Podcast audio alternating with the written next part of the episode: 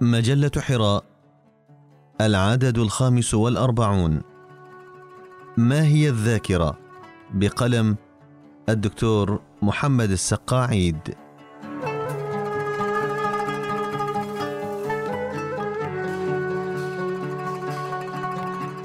اتفق العلماء على تعريف بسيط للذاكرة فقالوا هي القدرة على تذكر التواريخ والوجوه والحقائق والمعلومات والأشكال والمعطيات. وعندما تكون الذاكرة فارغة أو مفقودة يتعذر أن نعرف من نكون ونصبح تحت رحمة أي مؤثر خارجي. وإذا علمت بأن مخك يحتوي على مئة مليار من الخلايا العصبية يربط بينها تريليون وصلة في كل سنتيمتر مكعب واحد تطلق عشرة ملايين نبضة كل ثانية عرفت بأن ذاكرتك عبارة عن مصنع كهربائي كيميائي معقد موجود في عضو لا يزيد وزنه عن واحد ونصف كيلوغرام تقريبا. لقد أظهر عدد من الاختبارات أن الإنسان يستطيع تمييز عشرة آلاف صورة من بين عشرين ألفا كان قد شاهدها قبل أسبوع من الزمن. وتوضح الأبحاث العلمية بأن ذكريات الإنسان ليست صورا فوتوغرافية وأن تشبيه الذاكرة بمكتبه أو خزانة المحفوظات ليس إلا تشبيها خاطئا. فليس هناك إيه مكتبة مهما بلغت من الضخامة ولا أي مخ حتى لو كان مخ فيل قادر على احتواء هذا الكم الهائل من المعلومات. أين توجد الذاكرة؟ أين تخزن الذكريات؟ أين يوجد ذلك الحشد الهائل من بصمات الماضي وعلامات الزمن؟ وكيف يستطيع مخزن الذكريات أن يستوعب ذلك السجل الحافل من الأحداث والتجارب والمراء والمشاهدات؟ حاول العلماء الرد على هذه الأسئلة التي تشغل بال الإنسان من قديم الزمان بوضع بعض النظريات منها نظرية الأثر للفيلسوف أرسطو والنظرية المائية للفيلسوف الشهير ريني ديكارت ونظرية تحور الاشتباكات العصبية ونظرية الحامض النووي ونظرية المجال التكويني للعالم الأمريكي روبرت شيرلوك. لكن هذه النظريات وغيرها لم تتوصل إلى مكان الذاكرة في المخ. فمن عجائب القدرة الإلهية في الخلق والتقدير هذه الذاكرة البالغة التعقيد والمتناهية الدقة والمترامية الشمول وما يجعلها مذهلة حقا كونها لا يوجد لها مكان محدد في المخ توضع فيه الملفات وتخزن فيه الارشيفات إلا أنه قد أجريت حديثا عدة دراسات على الحيوان ثم على الإنسان تبين من خلالها بأن أهم المراكز العصبية في الدماغ للذاكرة هي المنطقة الصدغية من القشرة الدماغية والأجسام الحلمية في منطقة الهيبوتالاموس والجهاز الطرفي أو الحافي. كما يضاف إلى ذلك دور التكوين الشبكي في الدماغ وقد ثبت بأن الجهاز الطرفي وأبرز الأجزاء فيه المسمى بحصان البحر هو أهم جزء عصبي يقوم بوظيفة الذاكرة، كما ثبت بأن القشرة المخية الجبهية تلعب دورا هاما في الذاكرة، وأن إصابة هذه القشرة المخية الجبهية يؤدي إلى نسيان المعلومات الآنية.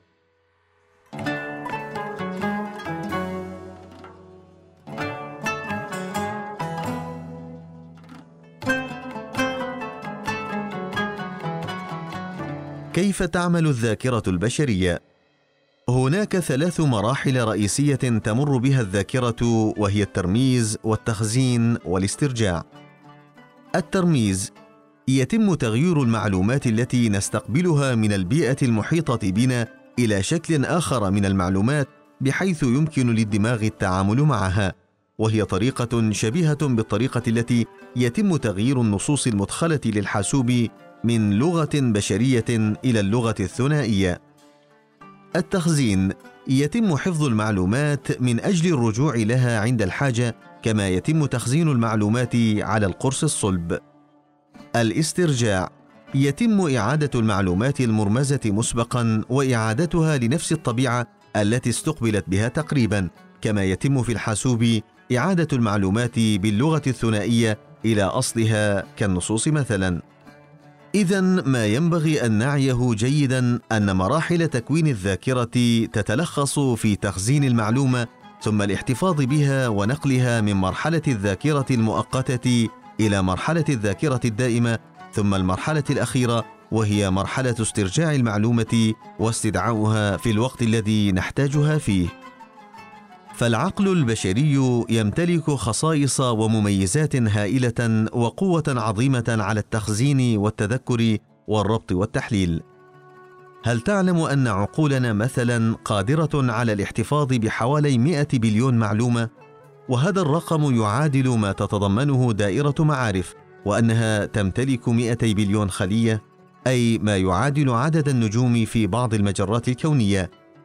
ومع عجائب خلق الله فينا إلا أننا فعليا لا نستخدم سوى واحد بالمئة من قدرات عقولنا بينما تظل تسعة وتسعون بالمئة مهملة دون استخدام يقول ويليام جيمس إننا نستخدم أقل من عشرة بالمئة من قوانا العقلية كيف لو استطعنا استخدام عشرين بالمئة من طاقة عقولنا فكيف ستكون حياتنا عندئذ يا ترى؟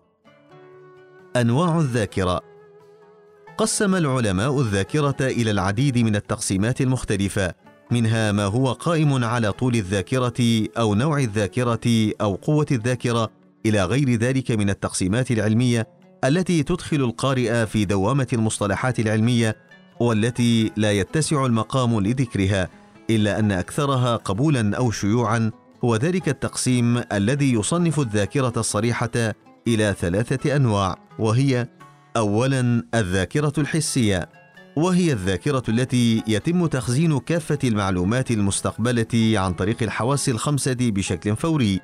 وتمتلك هذه الذاكرة مساحة تخزين واسعة نسبيا وتخزن المعلومات لأوقات قصيرة تتراوح بين الصفر فاصل واحد وصفر فاصل خمسة من الثانية حيث يتم نقل بعض المعلومات من الذاكرة الحسية إلى الذاكرة قصيرة المدى.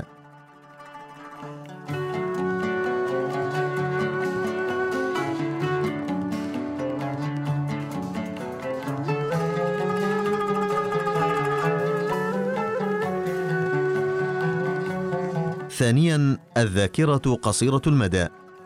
وهي المرحلة ما بين الذاكرة الحسية والذاكرة طويلة المدى وتشمل إدراكنا لكل الإحساسات والمشاعر والأفكار التي واجهناها وتسمى أحيانا بالذاكرة العاملة.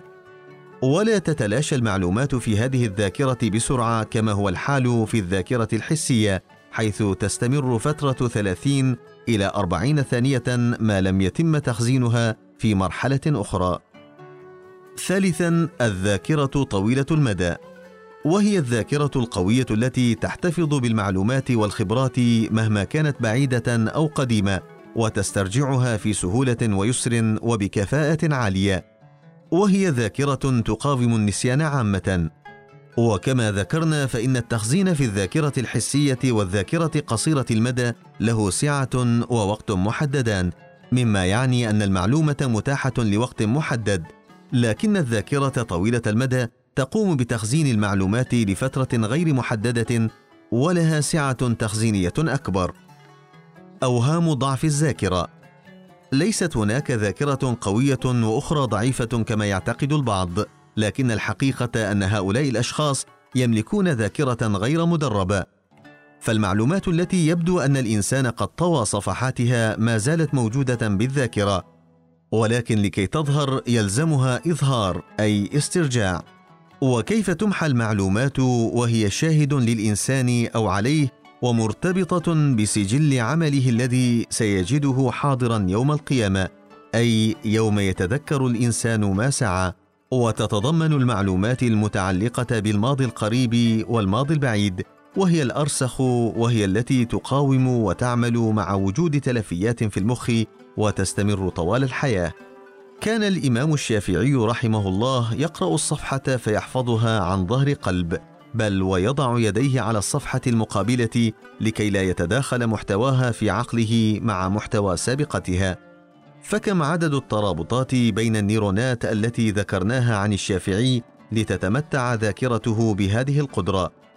لم يكن للشافعي شيء آخر غير العقل الذي خلقه الله لكل الناس ولكن كان له قلب ملؤه الإيمان والثقة بالله عز وجل. فقدان الذاكرة.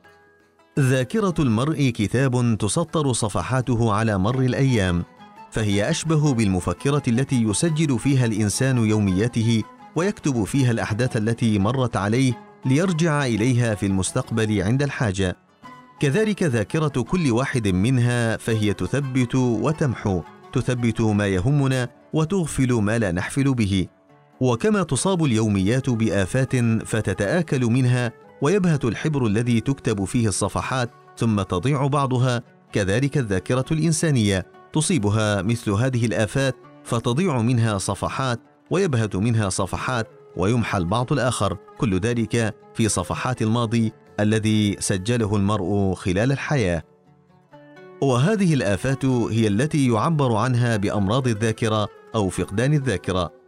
فالإنسان يملك مليارات الخلايا الدماغية ولكن مع التقدم في السن يموت معظمها من دون أن يتم استبدالها. كما يأخذ الجسد بإنتاج كميات أقل من الكيميائيات التي يحتاجها الدماغ ليعمل بشكل طبيعي. وبالرغم من أن الذاكرتين القصيرة الأمد والبعيدة الأمد لا تتأثران بهذه العملية عادة إلا أن الذاكرة القريبة العهد من شأنها أن تتدهور مع التقدم في السن. والآن بعد هذه الجولة السريعة التي خضناها بين سطور القدرة الإلهية أدركنا أن الذاكرة ليست سوى شجرة متواصلة النمو تتغذى بالمعلومات الجديدة. فقط على الإنسان أن يحاول من وقت لآخر تشذيب فروعها وإزالة بعض أغصانها الجافة والهشة التي لا حاجة لها. اذا لا يكفي أن يكون لك عقل ممتاز بل الأهم أن تستعمل هذا العقل استعمالا صحيحا. حكمة قالها الفيلسوف ديكارت ولكن كيف نستخدم هذا العقل تلك المنحة الربانية؟ سؤال يحتاج إلى إجابة.